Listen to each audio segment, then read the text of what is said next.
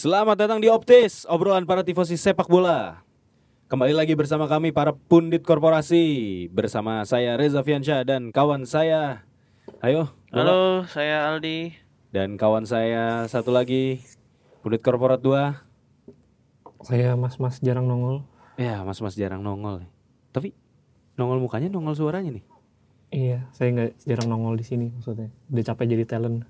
Oh, udah capek jadi talent. Kan Bapak sibuk emang. Oh iya, Bukan gak diajak. benar-benar. Kan Bapak lagi nyari duit, lagi ke Bali, ke Wah, kayak lagu The Dance Company lu. Ya kan? Seminggu di Bali, nyari panggung sana sini. Gimana nyari panggung kok? Aman. Lumayan lah, bisa beli rumah. Alhamdulillah. Gua denger-denger lu udah jadi dancer dah di Hmm. Bali. Gue sekarang multi talenta gue di dunia entertainment. Lu udah jadi apa? Host ada, jadi pundit ada, jadi apa tuh namanya apa? Jadi dancer juga kan lu di Bali kan? Join Batavia Dancer gue sekarang. Iya, itu lu nyanyi juga gak sih di sana? Enggak lah, nggak Oh. semua kerjaan gue ambil. Enggak semua kerjaan lu ambil. Itu jadi security masih jadi security. Masih semua gue. Sekarang gue makan. gitu. Aduh. Lu kira-kira mengancam ini enggak? Pekerjaan Bapak Aldi enggak? Enggak lah. Dia, Macam pekerjaan Kamavinga nih. kamu Vinga kan Kamavinga. ev- everywhere. Everywhere di Jadi mana-mana. Ya? wasit bisa, dia pernah kan untuk jadi apa lagi banyak lah gue. Anjir, ngomong Kamavinga. Iya, tapi eh, dari episode kali ini tuh kita bukan mau membahas Kamavinga, brother. Tapi di seri A itu ada sebuah kabar entah menggembirakan, entah tidak menggembirakan biasa aja atau ya bahkan sedih gitu ya. Jadi eh, ada yang comeback ke seri A yaitu pemain kesayangan saya ya. Andrea si Pirlo. pemain unik ini enggak belum belum Andrea Pirlo belum pemain unik ini yang tidak perlu apa tuh bukan tidak perlu sih dia tidak banyak berlari ketika dia ada di lapangan tapi ketika dia mencetak gol itu larinya secepat kilat Iya, ap- selebrasinya, selebrasinya. selebrasinya secepat kilat Lebih heboh selebrasinya. Heboh, parah kalau misalnya dia untuk ngejar bola dan nerima umpan nggak kayak gitu Mhm. tidak lain tidak bukan adalah Supri Pipo Filippo Inzaghi gokil Kenapa tuh emang Inzaghi ada apa nih? jadi Inzaghi itu kembali ke Serie A untuk melatih tim kesayangan Bapak Laksmana Oh iya. Salernitana Menggantikan Paulo Sosa Paulo ya. Sosa. menggantikan Paulo Sosa. Ini Coba menariknya mungkin eh, sedikit gimana? di ini kan eh, berarti Paulo Sosa adalah pelatih kedua yang dipecat di Serie A musim ini ya. Dan pelatih pertama adalah Paulo Zanetti. Jadi dua-duanya Paulo nih. Dulu. Dan sebelum Serie A musim ini bergulir, Paulo Maldini di dipecat. dari Oh, iya. Ini dari Bukan Milan. dipecat ya. lah, dikeluar Di- ya, karena dikeluarkan. permasalahan finansial lagi. Lu sadar gak sih, Kong? Ini Hmm. Aldi menemukan fakta-fakta menarik lagi dia. Iya, memang dia Memang sangat penting sih. spesialis Emang. fakta dia.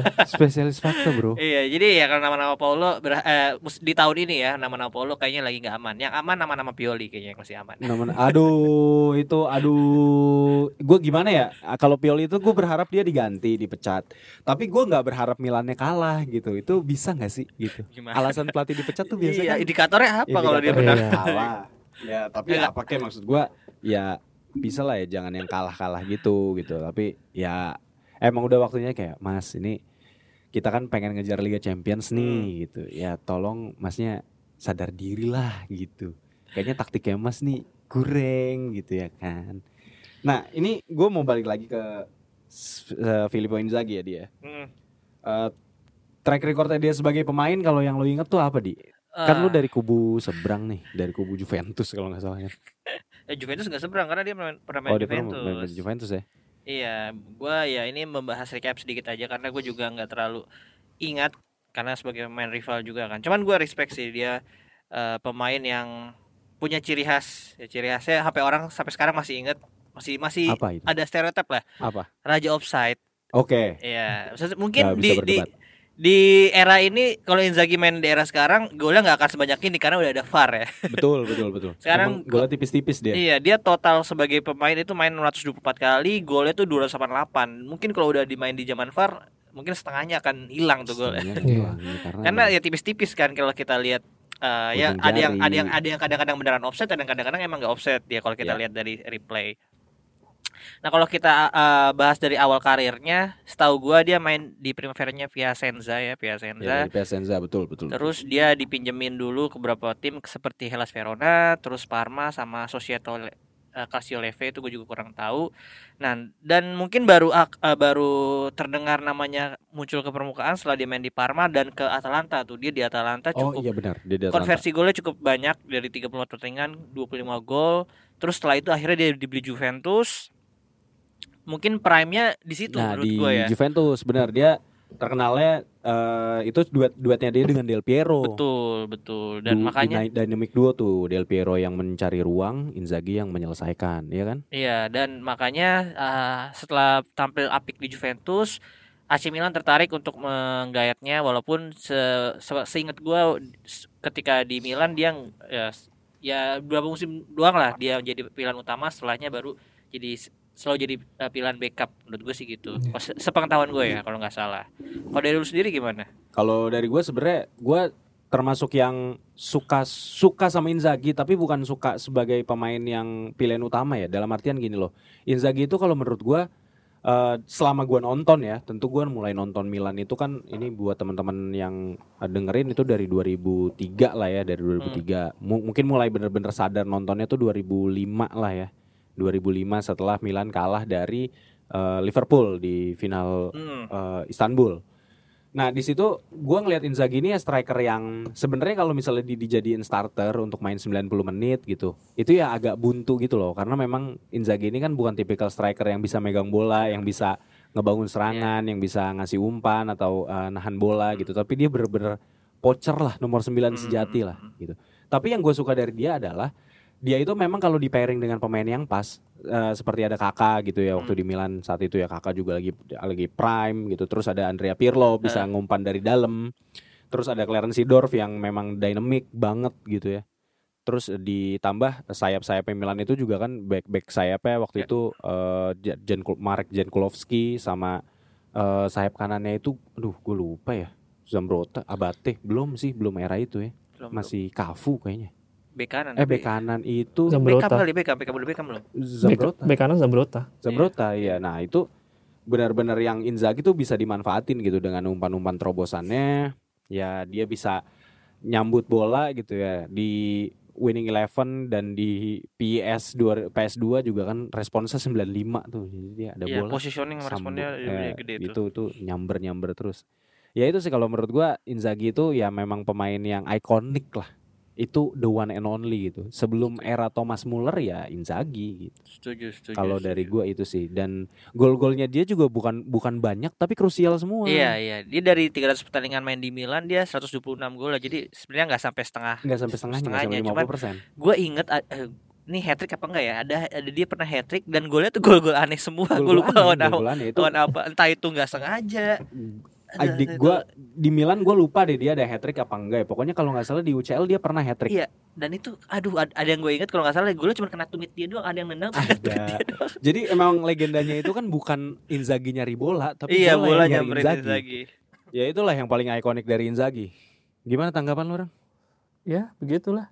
Tapi maksud gue dengan segala keanehan dia sebagai seorang striker, tapi menurut gue dia punya kualitas lah. Biarpun kan Fergie pernah bilang dia terlahir offside ya.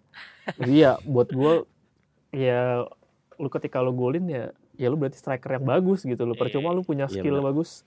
Semusim lu golin cuma 8, 7. Iya. Tapi apakah apakah eh, kalau menurut lu Filippo Inzaghi itu bisa disamakan dengan Erling Haaland kalau untuk soal mencetak gol gitu? Karena kan Haaland juga sebenarnya tipikal pemain yang polos nih, nyetak gol doang gitu. Kalau menurut lu gimana? Bang? Enggak. Enggak, be- beda beda secara atribut sih gue bilang beda ya karena Haaland pergerakan tanpa bolanya jauh lebih jauh Lebih lebih, mengerikan terus juga punya atribut fisik yang jauh-jauh Mhm. lebih lebih bisa merepotkan lawan gitu karena justru menurut gue pemain yang striker itu justru lebih mengerikan ketika bikin pemain back itu capek cuma karena pergerakan tanpa bolanya doang gitu karena Apakah kan itu yang memiliki atribut itu? kalau itu tentu karena kan banyak back yang bilang kan bahwa dia salah satu striker yang bikin capek gitu karena pergerakannya tuh aneh gitu dia back tuh harus bener-bener dalam 90 menit dia harus perhatiin full banget gitu. Tapi ya bedanya ya itu sih kalau sama Halan Halan punya atribut fisik sama eh, mungkin kalau ngomongin pergerakan tanpa bolanya dia lebih lebih smooth lah ya lebih bisa dibilang lebih lebih ba gue nggak bisa bilang lebih baik sih tapi lebih lebih terarah lah lebih teratur gitu.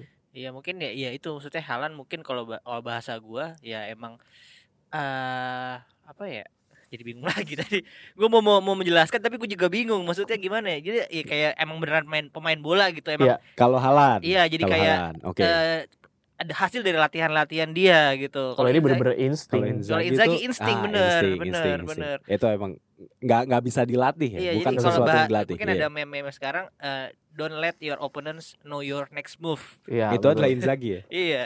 Tapi emang gua aduh, gua kalau ngomongin satu pemain ini tuh emang kalau gue nonton lagi replaynya, gue nonton lagi cuplikannya itu bener-bener ajaib bro. Maksudnya Mm-mm, gol-golnya dia itu nggak butuh tendangan yang keras, nggak butuh betul. tendangan-tendangan yang spektakuler.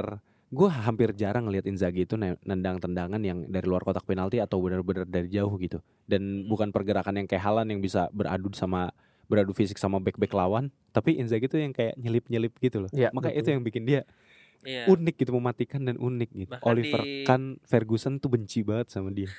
Iya, bahkan di timnas juga kan dia eh, salah satu pencetak gol terbanyak ya saat ini dia di Mm-mm. posisi kelima atau tujuh pokoknya dengan 25 gol eh, eh, Nomor satu tuh kalau nggak salah Del Pi- eh, Totti ya, Riva, Totti apa Del Riva. Totti bahkan nggak sampai Iya.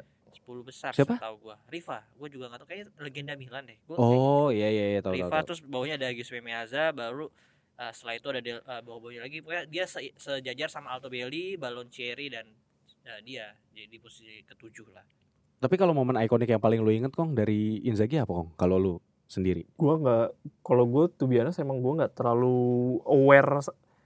Tim-tim lain kayaknya gue di Serie A tuh banyak yang gue nggak terlalu aware tentang permainannya. Teruntuk juga Filippo Inzaghi karena gue justru kan aware Serie A itu memang udah di era-era akhirnya Inzaghi kan. Mm-mm, Jadi buat iya. gue nggak ada momen yang bikin gue ya beda sama Totti gitu karena gue ya suka suka Totti gitu. Makanya gue sama kayak kalau mungkin anak sekarang taunya Ronaldo sama Messi ya karena memang yang dilihat itu doang. Ya Iya. sama begitupun juga dengan gue gitu. Lu kan mancu, lu kan mancunian emang di awal Dan ya, 2000-an. kalaupun ngelihat mungkin Zidane menurut gue yang yang Ah, iya. Del Piero karena masih waktu itu juga masih cukup aktif juga ya. Giovinco ya itu masih Ah, lah. iya, kalau itu masih masih- masih masih- modern. masih tapi ya kalau Inzaghi itu biasa gue nggak ada sih.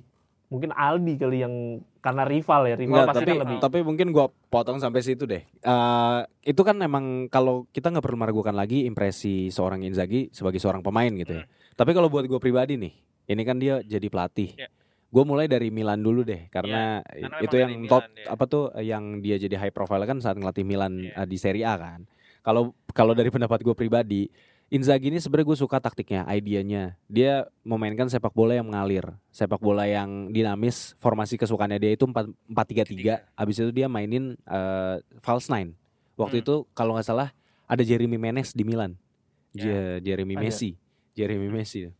Lionel Menez kalau ceng-cengan gua menanda dulu Wong, di Hmm. Nanda tuh teman SMA gue by the way. Nah, terus eh ya zaman itu ada Keisuke Honda juga. Cuman memang hasil akhirnya yang diraih sama Inzaghi tuh nggak nggak nggak maksimal gitu kalau nggak salah. Milan tuh akhirnya adanya di peringkat di luar zona Eropa Iya. lah peringkat 10 kalau nggak salah finishnya waktu itu yang dilatih sama Inzaghi. Jadi Inzaghi ini kalau sebagai pelatih buat gua memberikan impresi untuk memberikan penyegaran ya secara taktik, secara permainan. Tapi memang tidak diimbangi dengan hasil akhir gitu. Pertahanannya buruk dan nggak ngerti ya gua gua nggak bisa nyalain Inzaghi sepenuhnya juga saat itu memang pemain Milan juga ya udah udah ada di udah melewati puncak performanya lebih tepatnya gitu kan. Waktu itu ada Daniel Bonera, ada Felipe Maxes eranya dia itu. Dan ya udah, udah gitu masih ada Balotelli si striker penuh drama. Ya paling itu sih kalau dari gua dari Iya. sebagai pelatih impresi dia saat ngelatih Milan gitu. Eh, setahu gua dia kan pensiun di 2013 Iya. ya. Kalau nggak Betul, salah betul, ya. Jadi betul. setelah main 11 musim di Milan dia pensiun dan gue juga nggak nyangka saat itu dia eh, mau langsung terjun ke dunia kepelatihan. Iya. Dia itu langsung menjadi pelatih primaveranya Primavera. Milan. Betul. U- pokoknya youth league-nya lah dia punya primavera. Dia itu eh, cukup bagus kalau secara statistik rekornya dan sempat juara juga di primaveranya eh, di zaman primavera 2013 sebelum di akhirnya ngelatih ke Milan, Ke Milan senior, senior, ya. ya. dan di Milan senior juga uniknya saat debut dia langsung melawan Lazio tapi waktu itu lawannya Pioli Menang. Lazio Pioli ya, Lazio Lazio-nya Pioli. dan menang walaupun akhirnya dia tadi lu bilang dia nggak finish dengan baik Mm-mm. di Serie A dan musim selanjutnya dia masih dipercaya tapi di tengah jalan dia akhirnya dipecat ya. Dipecat, Ah, digantikan sama eh aduh lupa gua si Dorf ya. Sidorf justru Ya, justru sebelumnya. Eh Digantiin justru si Seedorf. Dorf sebelumnya dia gantiin si Dorf ya. Iya, dan kalau kita lihat dari Oh digantiin Mija- Mihajlovic, Sinisa Mihajlovic. Iya, ya kayaknya ya. Mendiang Mihajlovic yang gantiin. Ya kalau kita lihat dari awal-awal eh, kita- secara urutan timelinenya ya, dia pokoknya latih Milan. Setelah itu dia melatih Venezia. Setelah dari Milan dipecat, dia Iya. latih ke Venezia yang waktu itu masih di Serie C. Mm-mm. Nah, eh, dia tuh di Venezia menang akhirnya promosi ke Serie B dan menang ada kayak kopanya tapi khusus khusus, Yang khusus Copa Serie C doang. Iya, Mm. betul. Dan setelah itu akhirnya dia balik lagi ke eh, waktu itu ke Bolonya tuh udah di Serie B apa ada udah Serie A ya Bolonya ya? Seingat gua sih masih seri B ya, seingat gua ya. Tapi Bolonyanya seri B. iya, Serie B. sama kayak Benevento, setelahnya kan Benevento. Iya. Eh sorry, seri A, salah gua, seri A. Iya sih, kayak bulunya Pokoknya kalau- belum, Kalau belum poin per ya. iya kalau poin per matchnya jelek berarti dia kayak di seri A deh. Karena waktu Iya, itu di Milan juga poin per poin uh, average itu satu poin tiga delapan Ya. untuk kalau segede Milan sih ya, ya itu bapuk ya terus pindah ke Bolonya 0,83 jadi ya kalau poin kalau tapi kalau di Venezia poin itu satu 1,83 sorry yang di Milan itu 1,38 kebalik jadi Oh, jadi memang Milan average ya. iya average uh, poin per gamenya justru memang di tim-tim Serie A dia nggak nggak terlalu mentereng lah Betul. Iya. Dan terus eh, gue lanjut sebentar lagi.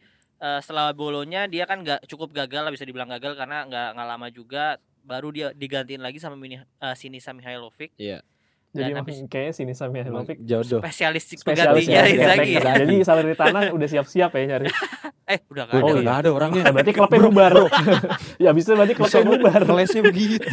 Weh, astagfirullah. iya kan Eh. bisa begitu kan maksudnya berarti main di, Iya. di itu maksud Iya. afterlife Mendiang itu, eh. Tapi Iya, jasanya Mihajlovic itu yang paling gue inget ya debutin Donnarumma sih. Iya iya itu ya. Oke next lanjut ke Benevento. buat jadi dia pengkhianat di, di Benevento dia bisa bisa dibilang suks- eh, sukses kembali karena dia berhasil meloloskan atau menaikkan Benevento ke Serie A Tapi- walaupun setelah Habis dia itu Serie A lagi, Bro. langsung bawa, turun lagi Iya. Iya. makanya habis itu dia nggak lanjut tinggal dilanjutin kontraknya dan melatih Brescia yang masih di Serie B dan kayaknya nggak oke juga di Serie B akhirnya terakhir melatih Regina Regina yang justru Yang ini justru kayak dibilang bubar. dan Iya. tapi menurut gue ini dibilang uh, fairy tale juga karena Regina itu sebenarnya dari awal musim lalu Iya. itu memang udah udah, problem udah banyak masalah dan musim kemarin dia Problematik ya. finish sebenarnya di posisi 7 Tujuh, nggak buruk-buruk amat Oh, iya, jadi dan- masih masuk playoff dan Hmm. eh, tapi di poin eh, kurang dikurangin poinnya jadi Iya. jadi nggak masuk iya betul Ya Dan- sayang banget. Eh enggak enggak rezeki Inzaghi dong kalau begitu ceritanya. iya jadi Secara track record kepelatihan jadi ya jadi kurang baik dong berarti. iya tapi kalau kalau menurut gue ya in my opinion karena dia di klub-klub bawahnya maksudnya di di seri C di seri B itu cukup baik dan terakhir di main di Regina akhirnya walaupun Regina harus eh, tutup bukan tutup buku Tutup sih usia. dia, Iya, dia dia bangkrut dan akhirnya ganti nama sekarang jadi Reggio Calabria ini ada Calabria Calabrianya lagi. Calabrianya di- Bapuk nggak tuh? Calabria sih bukan bapuk, angin-anginan aja. Iya, dan berarti eh menurut gua Inzaghi pelatih yang harusnya eh ya?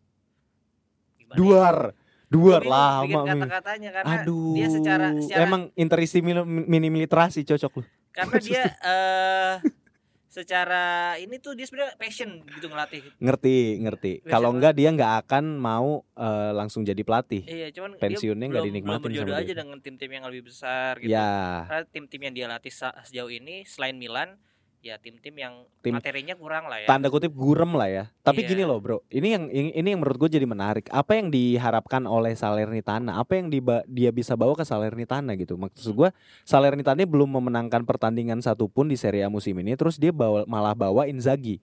Kualitas apa yang bisa diberikan? Apa dari analisa lu atau dari pemikiran lu Iya, karena yang gua- bisa ditawarkan oleh Inzaghi gitu? gua nggak nggak ngerti banget si strategi Inzaghi ya karena ya tadi lu bilang eh yang lu bilang gue juga minim literasi minim Enggak itu ntar dikat lu. Baper dah. Ya kagak sih Allah. enggak Ya Allah. Gue diplototin guys. kagak kagak Mukanya berkaca-kaca guys Aldi guys. ya enggak Gak serius gue, gue nggak terlalu menonton. Bahkan waktu eh, si ngelat, dia ngelatih Milan, gue nggak nggak nggak expect apa-apa dia. Tapi Tapi lu ada nonton nggak pertandingan Milan gitu? karena gue nggak tahu ternyata itu dia dilatih sama Inzaghi. Karena dia gonta-ganti mulu kan Milan kan. Iya iya iya. itu lagi ganti. itu lagi era problematik dan waktu itu pemain pengen transisi juga secara secara owner terakhir itu memang lagi lagi Iya. ngedrop Oh iya benar Heeh. dari chairman Silvio Berlusconi itu kan berhenti dia dari, dari chairman. Habis itu secara ownership jadi nggak ombang ambing tuh. ombang ambing sebelum diambil sama China ya sebelum Iya, sama Yang Leo awal-awal ya Mhm. Iya. Eh, nah itu tuh memang era-era paling gak jelasnya Milan karena Iya. ya gue masih inget ada Jeremy Menez ada Sule Muntari Ada Iya. ada Diego Lopez yang pura-pura cedera terus abis itu kebobolan Tolong Iya. jangan ingatkan itu Nah, lagi itu saya nah. nonton pertandingannya Pak. gue inget Milannya tapi gue nggak inget mom Siapa momen, pelatihnya ya? momen-momen eh, ikonik pelatihnya sih buat Iya, gue iya, jadi iya. memang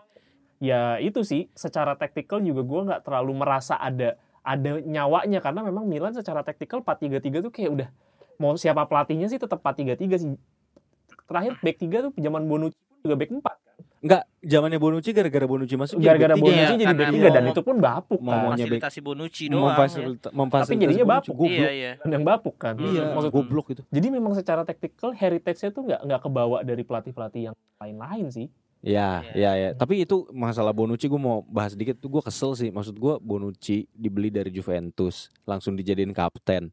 Formasi untuk mengakomodir dia. Dia tuh siapa? Oke lah maksud gue bukan dia tuh siapa ya. Dia emang pemain gede. Cuman maksud gue untuk lu pindah ke rival terus lu dikasih fasilitas kayak gitu tuh kayak tai. Gue masih lihat ada squad-squad Eh tapi kalau kita balik lagi dari pertanyaan lu yang apa yang diharapkan oleh Saritana, Mm-mm. ya menurut gue cuman ah, ya experience-nya aja sih I- Inzaghi walaupun cu- eh, kerap kali gagal di Serie A cuman seenggaknya Inzaghi ya di karir kepelatihan ini udah cukup malang melintang menangani beberapa tim Iya. Dan Dan, saat tim ini- pesakitan biasanya yang di Iya latih dan ya. saat ini Salernitana juga bukan yang oke-oke banget sebenarnya di musim ini walaupun di musim kemarin ya cukup cukup eh, kompetitif. kompetitif lah tapi papan finishnya ya, 17 iya, ya, 17 sampai 16 lah ya. di akhir musim dia agak turun sih betul Jadi ya yang bukan suatu gambling yang besar sih. Jadi karena yang udah Paulo Sousa udah nggak ada udah nggak ada harapan lagi, ya udahlah gua gantiin Zagin yang la- lagi Iya, nganggur juga dan dia punya pengalaman melatih di Serie A juga. Ya udah gua ambil nih. Ya, Salernitana itu cukup impresifnya di akhir musim ya. Musim Enggak, justru di di akhir tengah-tengah. di Tengah-tengah, di abis- abis tengah-tengah, Januari, justru, abis Januari. Iya, Iya, justru yang- di akhir-akhir itu beli Iya, Ochoa kan dia. beliau Ochoa terus Iya. mendingan terus di akhir itu ya nggak nggak nggak terlalu membaik juga sih banyak Iya, dia kehilangan poin-poin Ya walaupun bisa menggagalkan Scudetto-nya Napoli, betul. tapi memang ya, ya Salernitana memang tipikal begitu dan ya mungkin sebelum masuk ke Inzaghi sebenarnya pemecatan Sosa ini juga banyak ditentang sama fans-fansnya Hmm. Salernitana karena kan gue lumayan nyari lah yang jadi problem itu sebenarnya memang Sosa itu sebenarnya di awal musim jendela transfer tuh dia minta beberapa pemain tapi Ah, nggak diakomodir makanya ketika ini kejadian sebenarnya fans tuh Oh. kayak gue maklum lah lu begini lu banyak sektor yang nggak lo tambel juga jadi pada akhirnya salah satunya sektor belakang dan itu nggak ditambel dengan beberapa pergantian pemain-pemain yang udah uzur juga pelapisnya nggak nggak cukup jadi ya itu sangat dimaklumi sama fans dan ini juga kalau balik lagi ke Inzaghi kayaknya yang gue baca di berita dia yang ngejar-ngejar kan untuk kerjaan ini Iya benar-benar. Karena Dia memang meyakinkan, hmm. bukan bukan pelatih pilihan utama gitu. Justru Inzaghi itu diplot mau diambil sama Sampdoria karena Sampdoria kemungkinan besar juga mau Iya, mecat Pirlo Pirlo. juga. Mau mecat Pirlo. Itu Pirlo kasihan banget dah, terombang ambing. Karena memang Sampdoria lagi problematik juga abis ganti owner terus tidak ada kayak tidak ada pergerakan di jendela transfer. Jadi sebenarnya case-nya mirip-mirip. Hmm. Tapi ya balik lagi gue nambahin kalau ngomongin Inzaghi, gue sih kayaknya agak lebih optimis karena ngelihat tactical Inzaghi dengan tactical yang dipakai di Salernitana, seharusnya sih dia punya kemiripan biarpun di beberapa pertandingan terakhir di Regina eh, si Inzaghi tuh mulai main plotting 3-5-2. Gue nggak tahu ya karena Iya. gue nggak nonton juga. Mungkin karena Iya. adanya pemain-pemain di sektor tengah yang cedera, jadi dia mungkin akan ngubah polanya jadi 3-5-2 tapi memang base-nya dia memang 4-3-3 dan 4-3-3. kalau dilihat dari hasil sekalinya menang memang menangnya impresif ya 3-0, 3-0, tapi sekalinya kalah ya kalah kalah apes gitu loh 1-0, 2-1. iya, kalah kalah berantakan, kalah kalah nyebelin. Kalah-kalah sebenarnya. nyebelin begitu. Kalau gue lihat di track recordnya dia di Regina sih ya sebenarnya cok di awal musim ngegas, di pertengahan musim dia agak agak problematik, di akhir musim angin-anginan. Nah, gua gua mau nambahin lebih ke menguatkan juga sih statement lu sih Kong. Jadi kalau dari pengalaman gua nontonin Inzaghi di Milan ya dan di beberapa klub setelah dia ngelatih Milan, Inzaghi itu tetap pakai pakem yang pe- permainan dinamis, attacking. Mungkin karena emang nalurinya dia sebagai penyerang kali ya. Dia juga Betul. pengen meng- bikin gol gitu. Nah, buat gua Inzaghi ini bisa jadi pilihan yang tepat eh, buat Salernitana ya. Gua rasa Inzaghi juga ngejar-ngejar pekerjaan ini dan ke klubnya juga spesifik ke Salernitana mungkin ada sorry ada tujuannya juga dari dia gitu maksud gua dia Ya Dia udah kayaknya- pastilah dia kayaknya main judi deh kok beli, beli rumah, cicilan butuh belum duit. lunas, dipecat klub udahlah itu mah udah pasti. Iya, apalagi anaknya dipecat- masih sekolah lagi setahu gua kan Iya karena kalau dipecat mahal, kan bro, maksudnya di tetap Eropa. dibayar dikasih Eh, pesangon. tergantung, Iya. masalahnya kan ini klubnya kan bangkrut. Oh ya Oh, iya, iya, makanya ya udah Medina. enggak tapi gini gini, gini gue mau ngomongin gue mau ngomongin masalah taktikalnya dulu nih. Iya. jadi se- se- kalau secara taktikal eh, Inzaghi itu kan apa tuh namanya emang tipikal pemain yang menyerang. Big- apa tuh tipikal pelatih yang Ya, suka skema menyerang karena dia striker. Nah pemain-pemain Salernitana menurut gue ini punya kualitas yang cocok Kualitas untuk di depan bagus. kualitas Betul, di depannya bagus. Dan Inzaghi itu suka dengan pemain-pemain tipikal yang dinamis yang cepat gitu. Maksud gue di depannya dia kan ada si Blevia. Mardiani ada Iya, kan Reva gitu kan Ha-ha, Kayak ada ada Boleh dia bahkan kan Boleh, masih ada iya. di sana. Nah, Boleh dia ini kan juga musim lalu bukan pemain yang bukan pemain yang nggak ngapa-ngapain Iya, gitu maksudnya dia bikin goal. Ada juga bikin jangan lupakan gol. Cuku IBM Iku Messi. Iya, Tuh ada ada Messi Messi. juga, tapi lagi cedera. Tapi lagi cedera. Iya. Sama referensinya Eh, sama Eric gua. Butim. ya, maksudnya, tapi di di segi depan yang siapa kemarin tuh yang Jovan Cabral. yang yang iya Cabral. Cabral Cabral KW itu kan itu Iya. baru dibeli di musim ini Iya. lumayan impresif juga. Gue Di sisi, long shot ya dia dia oke di lah. sisi kanan kan Riva juga masih diandelin Iya. biarpun udah bukan pace-nya lagi. Ini ini emang eh, pemain-pemain yang bisa dimanfaatkan sama Inzaghi. Mungkin dia udah punya master plan gitu untuk untuk gimana caranya eh, memainkan pemain ini dan mungkin siap-siap aja tim kesayangan lu bisa jadi korban pertamanya Salernitana, Pak. Siapa? Inter. Udah lewat nanti nanti bakal di Nanti oh kedua, astagfirullah. Ini Bukannya lawan Inter ya? Enggak, besok dia langsung lawan Cagliari yang Oh sama-sama belum menang. Cagliari sama-sama belum menang. Tim kesakitan. Masih di ya dasar dua terbawah tuh si Salernitana sama Cagliari. Gue pede Salernitana sih biasanya klub yang baru ganti pelatih tuh mainnya ini kayaknya pemainnya Kayak pengen Empoli terakhir diri ya. gitu loh. Kayak terakhir Kayak, kalahnya satu kosong doang gitu. Aku aku mau aku mau starter, aku mau starter, aku mau aku mau mengimpress pelatih. gitu. Harusnya sih ya untuk dari eh, segi eh, point point of view-nya pemain sih harusnya begitu karena ya kan pemain juga pengen main, pengen ngasih ngunjukin yang terbaik da- dengan pelatih barunya biar bisa dibeli lagi oleh tim-tim yang lebih besar kayaknya sih. Karena dari kita eh, yang kita lihat dari pelatih main-mainnya Salernitana selain yang tadi lu sebutin tadi ada ada beberapa nama yang menarik juga bagi gue itu ada si Castanyo sama Mazucchi Hmm. itu dua-duanya main di winger sih sebenarnya tapi gua nggak tahu nih dia di back akan dipasang sebagai back kanan back kiri atau justru ke depan karena dia bisa empat tiga tiga juga kan Iya bisa jadi di depan tuh bisa jadi di tengah. Mm, Di karena ada. Kandreva sebenarnya ada Kandreva nggak tahu sih masih masih kuat main di winger enggak ya. Kandreva itu kalau gue lihat ya, dia memang di posisi kanan tapi lebih narik ke tengah gitu loh. Jadi kayak second striker yang lebih wide wide striker gitu loh. Jadi White target man gitu. jadi maksud lu. ngelebar ke kanan gitu loh. Jadi memang posisinya ada di kanan tapi gue nggak ngelihat dia fully ada di sektor itu terus gitu loh. Jadi kadang dia bisa nge-shadowing striker, kadang dia Hmm, bisa ya, jemput betul, bola. Betul. Tapi area yang dia fokusin di area tengah. Tapi biarpun harus ke kanan itu ketika memang ada kebutuhan untuk uh, overlapping. Iya, Karena iya. ya balik lagi stamina mungkin ya dia Hmm, akan jadi mempositioningnya menurut gitu. gua main eh, Kandreva justru akan jadi eh, pilihan kedua jadi nggak pilihan utama nih kalau dari lihat strategi Inzaghi ya Iya. mungkin kalau dia jadi starter nggak bakal main di wing juga di, di tengah dan atau sebagai IMF Iya, karena betul. dia bisa juga sebenarnya main di situ Betul, betul. Iya. Gua rasa gua rasa justru karena Reva bakal diplot sebagai pengatur serangan di Iya, strategi iya, Inzaghi. benar-benar. gua gua gua pengen banget nonton si pertandingan ini. Karena gue pengen tahu Inzaghi gimana. Semoga nggak bapuk ya. Soalnya Inzaghi itu kan pengennya mainnya menghibur atraktif gitu. Jadi ini semoga menjadi tonton apa tuh uh, tim tim dengan permainan yang layak ditonton gitu. Nah, Inzaghi ini kan kita punya berarti kita punya dua nama Inzaghi di Serie A di, Hmm. sebagai pelatih kan. Tentu dibanding-banding ke iki. ojo Yo, ojo oh, dong ojo, ojo dibanding ke, tapi yo yo yo gimana? ya kayak ngono Yo toh. ngono dibanding wes wayahe dibanding ke. Nah, Iya. ini per- pertemuan per- uh, antara Simeone Inzaghi dan Filippo Inzaghi tentu kita tahu lebih sukses Simeone Inzaghi.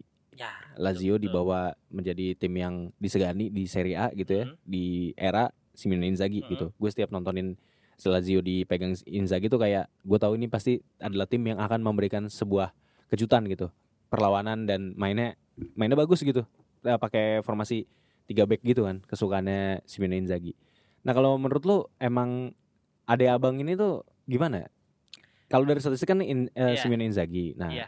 itu gimana kalau kalau kalau apa ya apa yang bisa dikasih oleh Filippo Inzaghi gitu apakah dia akan membenarkan track recordnya gitu eh kalau dari sebagai pemain kita udah sama-sama tahu Inzaghi lebih baik daripada Simone Inzaghi ya dari Mm. segi. Gol dan Oh, iya. apa ya Dua- dan dua-duanya sama-sama striker ya Dua sama-sama striker makanya ini sering dibanding-banding kayak juga. Iya. Dan setahu gue dia tuh cuman sekali ya setim itu di Euro 2000. Gua kalau koreksi gue kalau kalian lebih tahu, kayaknya tuh dia pernah main barengnya cuma di timnas Italia di tahun itu Iya. di tim eh, Euro 2000. Dan ya kalau dari segi pelatihan sejauh ini mereka di pertandingan apa sih namanya official yang yang resmi Ah, yang iya. resmi baru bertemu tiga kali dan memang Filippo Inzaghi belum pernah menang hasilnya tuh satu kali seri dua kali kalah dan terakhir kali dua kali kalah. Ya, Ya. dan terakhir Filippo bertemu Simone itu di pertandingan persahabatan Inter bertemu Regina kalah 0-2 juga. Ya apek banget ya. Ya, jadi memang eh, menurut gua ini eh, Filippo Inzaghi harusnya ya, harusnya kalau dari eh, saat menangani Sa- Salernitana nanti ketemu Inter masih akan kesulitan karena dia belum belum punya Ya, yang lebih baik lah. Maksudnya dia apa saja sih menurut pasti, gua pasti, karena waktu pasti. di awal tuh dia eh, ngelatihnya Benevento sama ngelatih Bolonya. Jadi emang Dan kalau misalnya nanti ketemu Inter sih gua rasa Simone Inzaghi menang lah normalnya ya gitu. Kalau secara di atas kertas. Kenapa Iya. gue bisa bilang gitu ya? Karena pertama faktor eh, materi pemain. Materi pemain di Inter ya gila lu ada Lautaro, ada Marcus Thuram, budget transfer lebih gede, Jan Sommer ada, ada si siapa pemain Alexis Sanchez, ada tapi ya Lagi kalau kita Barella. betul betul cuman ya kalau kita bahas sepak bola kan ada pasti ada kemungkinan untuk upset lah ya namanya sepak Pasti, bola dan olahraga pasti. cuman ya ini kita belum bisa bahas banyak ini kita Mm-mm. sedikit ser aja mungkin nanti akan bahas di uh, Episode mendekati selanjutnya lah ya, ya, mendekati betul, ketika udah mela- uh, Betul. Salernitana lawan Inter karena belum tentu juga si Inzaghi si Filipponya akan bertahan sejauh itu Iya benar sih. Dia masih- Kalau- iya, iya. masih tanggal 18 Februari 2024 pertandingannya ini ini ini menarik. Apakah menurut lu akan ketemu nih dua pelatih ini? nah iya itu yang masih ah jadi feeling, feeling deh, feeling deh. Nggak Kalau feeling gua sih Inzaghi statistik. masih masih bisa dipertahankan sih sampai akhir musim sih menurut. Inzaghi yang mana nih? Filippo. Hmm. Filippo. Iya karena Jangan- bisa juga jangan- Simone yang jangan digantiin ya. Iya, benar. Oh, iya, Simeone benar juga juga. lagi lagi banyak Iya. Nah, lagi kalau mulai banyak emang Simeone juga. Inzaghi yang diganti menurut siapa pelatih yang cocok latih Inter, Kong? Kita doain aja nih sekalian. Hmm, sini Sami Ajilovic enggak maksud gua ya bisa Kong, lagi udah nggak ada orangnya, Fil- Kong. Filippo misalkan Filippo Inzaghi gitu siapa tahu. Eh, Tapi nggak tahta mungkin sih ya. kan in- Milan, masa Milan ke Inter itu tidak mungkin. Masa Milan ke Inter? pelatih. Pelatih kan legend. legenda Udah Pioli aja begitu. Iya. Kalau Pioli kan gitu, lompat, Kalau itu kan gitu. Milan kan nggak emang nggak tahu malu ngambil legend-legend gak jelas gitu. Nggak nggak, tapi nggak nggak tahu lah nggak tahu belum. Tapi belum. Eh, Conte kalaupun itu Tapi bertahan lama Conte. nggak eh, kalau Filippo Inzaghi-nya di Salernitana? Feeling gue sampai akhir musim lah masih Iya. masih ada kesempatan sampai akhir musim lah. Karena targetnya juga kayaknya nggak muluk-muluk amat, seenggaknya nggak degradasi sih kayak Iya nggak degradasi kan berarti di posisi Iya. 17 nggak degradasi. Iya, itu aja kayak- cukup. kayaknya cukup sih. Gua rasa Salernitana bisa melawan tim-tim yang eh, secara kualitas materi pemain sama kayak dia lah gitu maksudnya. Ya. Tim yang gue maksud tuh kayak gimana sih ya kayak Cagliari besok. Mm-mm. Harusnya sih Salernitana bisa menang lah. Hmm. Walaupun gue tahu pasti si siapa pelatih Cagliari si Ranieri. abang-abang Ranieri. ya abang eh, Opa Ranieri juga lagi berusaha untuk bangkit gitu kan ya maksudnya kayak Leke, Empoli, Frosinone, Bologna Ya kalau Itu dibandingin bisa gitu, lah di- mat, secara materi pemain menurut gue Salernitana masih lebih diunggulkan. Masih diunggulkan gitu, kan? Iya, kayak benar, Frosinone masih di atasnya, Leke masih di atasnya. emang kayak butuh eh, penyatu aja nih si si Salernitana. Tapi gua rasa sosok nama besar Inzaghi lah. Maksudnya it's a respectable name gitu ya di di sepak bola Italia gitu. Ya pasti gua yakin pemain-pemain juga pasti segen lah sama dia. Ah kalau gitu harusnya Ranieri udah, udah posisi satu kan dia menang Premier League. Iya, tapi maksud gua ini kan pelatih baru nih baru dateng gitu. Maksud gua ya dia harusnya bisa lah nguasain ruang ganti karena tadi kan gue lagi bahas tentang apa yang bisa merekatkan pemain ini gitu untuk jadi bermain dalam sebuah tim gitu loh kok. Masukinnya si Dov jadi itu ya, jadi board. Itu nggak nggak bisa. Ribery nggak main gitu. lagi gitu ya. Nggak nggak counternya maksudnya jangan Iya. gitu dong. Enggak, Kan tapi jadi menurut gua mati gua. deep side dari mentality ya buat gue sih tacticalnya menurut gua ini pilihan yang tepat ngambil ngambil Filippo Inzaghi sih buat gua ya dari segi teknis ya. Hmm. Menurut gua Kenapa? sih ini bakal jadi gua nggak bilang ini bakal pure menyelamatkan mereka dan langsung tiba-tiba 20 pertandingan unbeaten gitu Iya. misalkan nggak nggak gitu juga tapi buat gue masih masih masih bisa lah ngangkat ngangkat mentality Salernitana untuk balik lagi at least seperti musim lalu lah di mana dia menampilkan sepak bola yang yang nggak melulu tentang Penyerang ya. sepak bola Iya. bertahan gitu Betul. Salernitana yang di musim lalu kan memang bermain lebih berani lah apalagi Iya, di mana iya, pada iya, saat iya, Sosa baru di appoint kan dia baru di appoint kan Januari ya seingat gue ya. Bener. jadi ya memang Paulo Sosa juga pelatih dengan tipikal yang bermain cukup gila sih untuk untuk kelasnya pemain tim-tim papan tengah menuju papan bawah dan bermain eksplosif sih buat gue itu menarik dan gue ngelihat harusnya Filippo Inzaghi juga menawarkan hal itu dan semoga ya at least dia bisa bertahan lebih lama lah di Serie A. Jangan sampai kejadiannya kayak sebelum-sebelumnya lah anti Iya. klimaks semua gitu. Amin amin amin. Gue berharap sih. Lo ada tambahan di? Dan ya kalau Inzaghi? menurut gua ada ada untungnya juga dengan di, maksudnya Filippo Inzaghi agak diuntungkan juga dengan jadwal Salernitana yang saat ini tuh belum terlalu sulit kalau eh, dilihat dari di tim-timnya atas ya. kertas ya. Iya, Iya. karena ya kan eh, harus membangun mental tuh dari awal-awal dulu kan kalau misalnya di awal udah agak baik, mungkin setelahnya akan akan lebih mudah. Nah, ini kan kebetulan Iya. jadwalnya tuh besok lawan Cagliari, terus Genoa, Lawan terus. Coppa lawan Sampdoria, baru Nah, nanti lawan Napoli yang mungkin nah, agak Napoli berat. juga lemah. Ya, Heeh. mungkin eh, sekarang Iya. lagi lagi kurang ya. Kita anggap Iya. aja lemah. Iya. Gimana? Bapak Rangga setuju? Mungkin Wush. Kok lu jawabannya diplomatis gitu sih lu? enggak, mu- mungkin aja. Semalas itu lu menjawab hal-hal yang kontroversial gitu ha? Enggak, make, make sense aja kalau dibilang le- lemah tapi kan ya ya dibandinginnya sama Salernitana gitu. Kalau lu bandinginnya sama Milan iya. Lebih lemah dari Milan gitu Iyalah. maksudnya. Oh. Ya itu make sense gitu. Enggak, terlalu diplomatis gitu harus lu melawan dong. Iya, maksudnya eh, kalau menurut gua kalau misalnya Inzaghi bisa melewati seenggaknya 3 sampai 5 pertandingan dengan baik, ke depannya akan lebih mudah dan pasti dia bisa Mendapatkan momentum itu ya. Iya, dan Iya. dipertahankan sampai akhir musim seenggaknya. Iya benar. Nah teman-teman ini juga karena di Sabtu besok udah mulai main lagi Ya. Serie A Hmm. gitu ya. Ini harusnya tayang Kamis ya. Ini tayang Kamis. Ya. Nah Serie A itu udah mau main lagi. Nah ini ada ada pertandingan antara Verona lawan Napoli, Torino lawan Inter. eh, tim jagoan gue dulu. Nah, nah ini ada big match Milan lawan Juventus. Nah, ini apakah- Kalau untuk dari weekend ini mungkin pertama-tama gue ngingetin kepada teman-teman pendengar gitu ya. Ini kan eh, udah mau mulai lagi nih Serie A. Jangan lupa diatur formasinya. Jangan kayak Aldi Eh, dua tapi gua- minggu diatur-atur lupa mulu. Tapi kan masih di atas lu. Ya Itu untuk penting. saat ini. Enggak lah. untuk saat, loh, Setiap Giordata tetap. enggak enggak. Iya. Dior, dua Giornata terakhir itu lu di bawah gua terus. Jadi siap-siap aja. Ih, lihat, Lihat. lihat Ih, orang orang kan lu yang rekap lu kok lu yang nggak terima. Orang di di Giordata ini gue paling paling tinggi. Iya. Kagak. Ya udah. Oh, oh, di atas Rangga mungkin gue ya. Iya. Soalnya dia ini lagi sibuk dia nyari panggung kan tadi. Nah, tapi gua mau bahas dulu sedikit lah ya. Hmm. Sedikit kalau lu eh, menurut lu apakah ini deh pertanyaannya gini, kalau tim-tim gede, tim-tim gede maksud gua tuh tim peringkat 1 sampai 7 deh ya. Sampai peringkat 1 sampai 7, apakah akan meraih hasil hasil positif gitu di weekend ini setelah international break ini? Atau malah bakalan berantakan gitu. Berantakan dalam artian kayak ya entahlah pemain capek, Ya, enggak semua lah kan ada Milan ketemu Juventus. Ya pasti ada salah satu yang nangis juga lah. Ada, gue Atau dua-duanya. Gue setuju. Dua-duanya bapuk. Feeling gue sih anti klimaks ini. Nah, Milan Juventus. Milan Juventus anti klimaks ya. Anti klimaks fix lah udah gua nggak bakal gua tonton ini. Juventus either either pemain Milan ngobrol pantat kalau nggak pemain Juventus ngobrol di belakang. Gue rasa sih pemain Juventus yang bakal ngobrol di belakang. Apalagi Soalnya- Gatti tiba-tiba back pass ke Sesni tuh ntar tuh. Nah, Kayak main iya. judi juga itu orang. Nah, Ve- terus kalau Verona kalau Verona lawan Napoli gue pede Napoli lah. Ini bisa menang. Torino lawan Inter harusnya sih Kalau menurut gua, Inter ya. kalau dulu dulu. Kalau dari gue dulu ya, Iya. Inter gue rasa nggak bakal punya eh, masalah yang berarti lawan Torino. Kenapa? Karena pertama secara jarak antara eh, Turin Milan dan dan Turin gak terlalu jauh. Hmm. Habis itu juga maksudnya pemain-pemain lapisannya Inter juga cukup kuat. Napoli belum tentu menang, masih main cedera.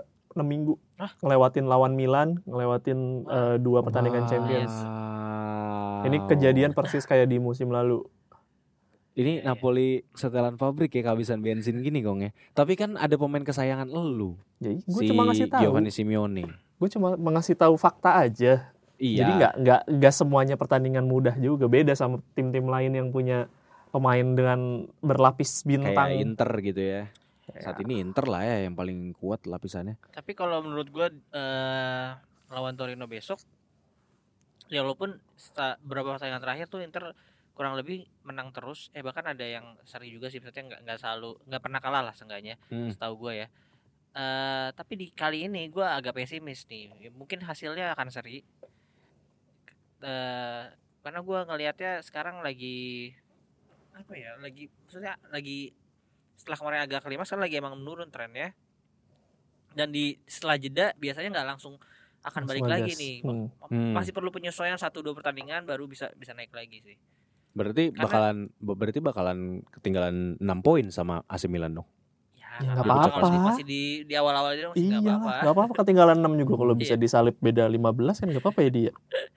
iya, Iya iya, itu kejadian sih emang musim lalu sih. ya mungkin ada eh, faktornya mungkin ya ada kalau misalnya beberapa pemain itu yang nanti malam nih main nih kan Italia lawan Iya, Inggris terus iya, ada iya. eh, Prancis juga Ini nanti malam kita ngeteknya ini hari Selasa ya. iya, Ini buat informasi. iya maksudnya ada ada menurut gua ada andil dari beberapa pertandingan internasional break yang kalau misalnya pemain Inter banyak yang diforsir gua rasa Dan akan banyak. Iya karena karena di Italia hampir Jadi- semuanya main cuma Acerbi doang yang nggak main Acer kemarin doang namanya si siapa sih Bastoni ya backnya? Iya, Bastoni. Bastoni. Bastoni, Darmian, Di Marco. Di Marco, Di Marco, kanan Dar- iya. Darmian, iya. Iya, karena pelatihnya ya- Simeone. Inzaghi, semua Iya. dimainin. iya jadi Suruh jadi striker sih Simeone Inzaghi. kalau eh, pemain Inter banyak yang diforsir di pertandingan kedua eh, international break besok menurut gua nggak akan bisa maksimal di Sabtu atau Minggu ya katanya gue lupa deh kayaknya sih Minggu pagi gitu ya, Minggu, Sabtu malam. eh sorry Sabtu Ah, malam setelah Sabtu malam Napoli. Sabtu iya jadi jam 11. masih kurang eh, untuk recovery-nya dan akan berpengaruh sih di pertandingan itu Hmm, hmm, hmm. kalau Milan sendiri kan bahkan akan kehilangan mainan sama Theo ya karena akumulasi kartu kuning dan kartu merah kemarin mainnya Jadi, Iya, tapi no, ya tapi lawannya cuma Juventus sih. Jadi harus menang lah. ah, kita lihat Menang, saja. tapi- menang Juventus maksudnya. Napoli itu selalu disulitkan sama itu loh. Sama Ve- Verona terakhir saat zamannya ada Giovanni Simeone dia menang 3-1, tiga Giovanni pertandingan tiga Simeone di iya, Verona ya maksudnya ya. Oh iya. tiga pertandingan terakhir Napoli sama Verona selalu kosong-kosong. Iya kalau ini gue untuk ngerangkum semuanya ya kalau menurut gua eh, tim-tim yang kayak ini yang gue sebutan kayak Napoli, Inter, eh, Lazio, Roma, eh, Atalanta dan eh, Fiorentina, gua rasa itu bakalan ngeraih hasil positif sih. Cuman Milan sama Juventus ini aja yang bisa jadi anti klimaks. Bahkan menurut gue bisa jadi Milan kalah lawan Juventus gitu. Karena Juventus tetaplah Juventus. Ya. Di mana ya ini tim gede gitu loh bro, nggak bisa Iya. gengsinya tuh gede tetap gengsinya tuh tinggi. Jadi paling itu sih. Jadi jangan lupa atur formasi. Mungkin ada tambahan lagi pak? Gue rasa episode ini cukup sampai sini. cukup Ya, cukup cukup. Tidak ada lagi. Mau apa Cukup lagi yang dibahas? Masa bahas Inzaghi mulu toh juga nggak lama-lama amat di Serie A. Iya, jangan gitu dong. Kan doanya kita akhir musim. Ya nggak lama kalau ampere musim kagak lama musim depan dipecat kan bisa. tapi Benar, sebenarnya benar. gue penasaran sih kalau dia megang tim besar lagi waktu itu kan cuma Nggak, dikasih nggak bisa. Masih Milan masih tuh Milan nggak masih bisa, buka kesempatan kok. Masa? Milan buka kesempatan enggak enggak. Buka, enggak. buka. Ya, Inter kayak, mau kayak Atalanta gitu kan Enggak lah pasti Milan. Pasti langsung Milan menurut gua Ih. karena kan legendnya Milan. Feeling gue sih kan ngambil. Atalanta juga dia ya dengan Atalanta juga. Lah. Cuma semu one season wonder Bisa itu. jadi legend Napoli juga kalau dia bisa bawa Napoli pernah. juara Kalau belum pernah nggak make sense Iya kan? itu. Enggak, maksudnya jadi jadi legenda baru di Kalau. Ranieri tiba-tiba latih Napoli masuk akal zaman 91 93 pernah dia. Kalau ini balik lagi sih menurut gua comeback kayak zaman eh, Ranieri itu kan di Napoli awal-awal dia eh Cagliari awal-awal dia akhirnya comeback lagi ke Cagliari. Nah, ini saatnya Hmm. Inzaghi comeback lagi ke ya eh, Milan gitu karena kan di awal dia ngelatih Milan. Kok tiba-tiba jadi narasinya Inzaghi ngelatih Milan lagi? Iya kan gue nyeritain Ranieri. Udah makin ngaco Oh, nih. Iya tapi eh, musim ini mungkin di Salernitana biar bisa Bagus. memberikan yang terbagus jadi portofolionya bagus, Bagus. dan melatih tim gede lagi Dan sekarang kan Milan. pemainnya jauh lebih bagus lah, nggak ada nih gue sebutin nggak, nih, gue sebutin pemain Nggak. Milan zaman dulu, Mattia Destro, Nggak. Van Ginkel, Po, Mah. Poli, Keisuke si- Honda, back- Backnya tuh siapa tuh? De Jong, ya? Alex, Armero Paleta, Alex yang botak ya. Alex, tahu gua Alex Alex. Paleta di Adil Lom- Rami masih ada gak sih? Apa? Di situ Adil Rami. Adil Rami udah nggak ada. itu. Alessio Cerci nih gue Giam Giampolo Pazzini gue sebutin Anjing semua. bola Pazo. Pazo bro. Lukabi. Oh, 11. jangan. Muntari masih ada. Enggak, tapi ya udah. Bonera Ini, ini daripada gua harus ngedengerin lu yang makin ngaco, mending coba ini outro-nya coba. Kita Outro-nya. kita butuh ini. Uh, kita butuh quotes-quotes terbaik dari Rangga. Enggak ini lah. ditunggu-tunggu deh, bro. Netizen TikTok itu nunggu semua Nggak outro ada. dari lu. Nggak ada. Ini gue cuma mau Ini bilang dari satu aja. Content. Ini head of content kita bilang bahwa itu adalah uh, segmen paling laku Enggak. setelah Nggak segmen Merda. Nggak ada. Gue gue cuma mau bilang salam kangen sama Hachi Mastur. Udah itu doang. Nggak ada, nggak ada. Nggak ada salam kangen Hachi Mastur. Kapan mau main lagi di Milan? Udah gitu doang. Gokil. Ya udah itu aja teman-teman. Terima kasih sudah mendengarkan. Ciao. Ciao. Lihat sih.